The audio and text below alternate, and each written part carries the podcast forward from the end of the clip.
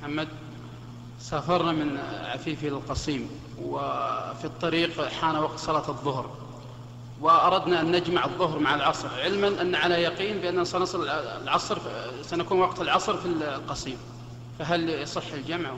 وأنتم من أهل القصيم ولا من أهل العفيف؟ لا من أهل العفيف لا بأس أن تجمع حتى لو علمتم أنكم تصلون إلى إلى القصيم لأن القصيم ليس بلدكم بل حتى لو رجعتم مثلا وجاء وقت الصلاة صلاة الظهر وأردتم أن تجمعوا إليه العصر وأنتم تعلمون أنكم ستصلون إلى بلدكم قبل العصر فلا بأس.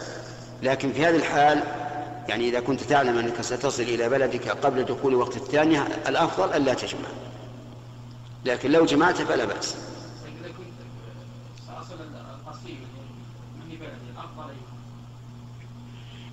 حتى ولو كنت تصل إلى القصيم لأنه ليس بلدك. نعم.